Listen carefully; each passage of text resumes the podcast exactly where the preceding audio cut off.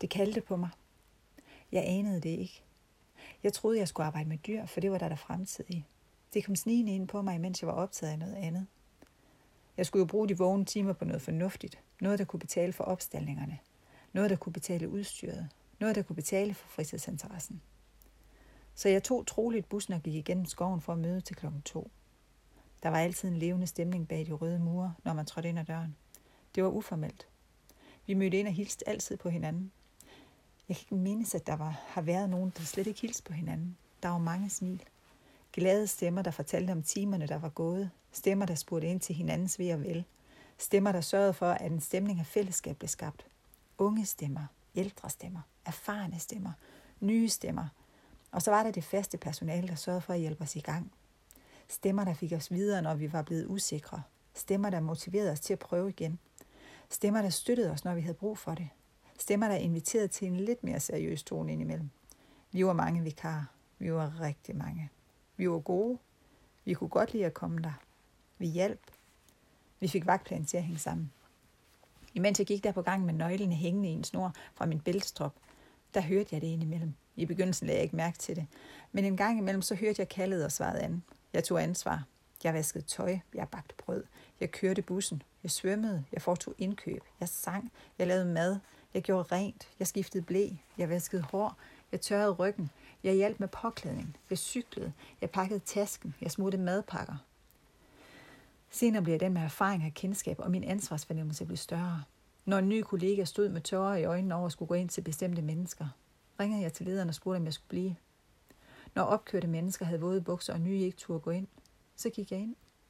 Når mennesket ikke forstod, så stod jeg ved siden af og prøvede at forstå. Jeg var ikke alene. Vi var mange, der tog ansvar. Vi var flere, der hørte kaldet og svarede. Der var også dem, der kun var der for en tid. Dem, der hørte et andet kald. Selvom de kun var med for en stund, så bød de stadig ind i fællesskabet med ansvar og mangfoldighed. Jeg hører det stadigvæk. Det kalder på mig. Og selvom jeg indimellem godt kan sidde med oplevelsen af, at det er det samme dag ud og dag ind, så lytter jeg stadig til det kald. For den er der endnu. Lysten til at tage ansvaret. Lysten til at skabe dage med livskvalitet for andre sammen med andre. Lysten til at lære mere. Lysten til at vide mere. Lysten til at gøre mere. Lysten til at være mere. Der er dage, hvor det visker til mig. Hvor det bare minder mig om, at der er brug for mig at det menneske, jeg er. At jeg er god nok, som jeg er. Og så er det dage, hvor det råber skinger der insisterende til mig. Hvor det råber for at få mig til at forstå, at hvis ikke jeg siger noget, så bliver det ikke sagt. Hvis ikke jeg handler, så bliver det ikke gjort. Uden mig, så vil det være nogle mennesker, der bliver glemt. Nogle mennesker, der bliver parkeret. Uden mig forringes kvaliteten. Og så findes der dage, hvor det holder mig hen i stillhedens greb. Hvor det holder mig fast og tvinger mig til at se indad. At tage ansvar for det menneske, der er det inderste. Det tvinger mig til at tage stilling til, hvem jeg er og hvor jeg er på vej hen. For kun når jeg forholder mig til kaldet, kan jeg vælge, hvordan jeg vil svare an. Kaldet er det, der har drevet mig igennem mange år. Kirkegård har en lignelse om to køer, der er bundet sammen af et reb. Det er mit kalder jeg. Nogle gange, så trækker kaldet mig afsted i en retning.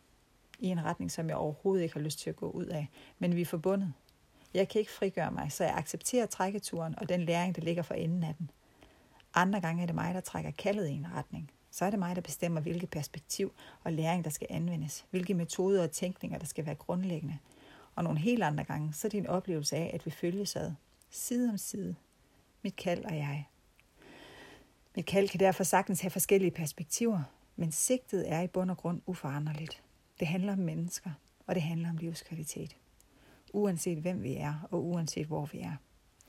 Jeg blev indimellem spurgt, om jeg ikke savner mit tidligere lederliv.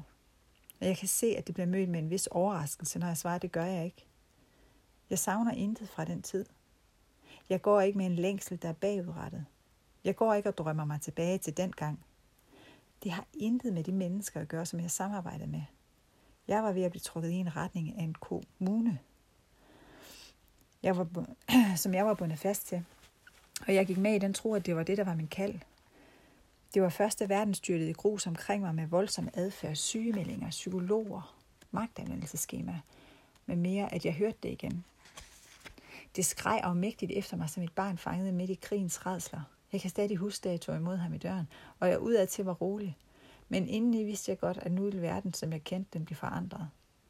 Jeg er ikke længere i tvivl om, hvorfor han igen havnede ved siden af mig. Hvorfor kaldet er tydeligst, når han er nær. Det er det, fordi det i tidernes morgen var ham, der gjorde, at jeg overhovedet begyndte at høre et kald.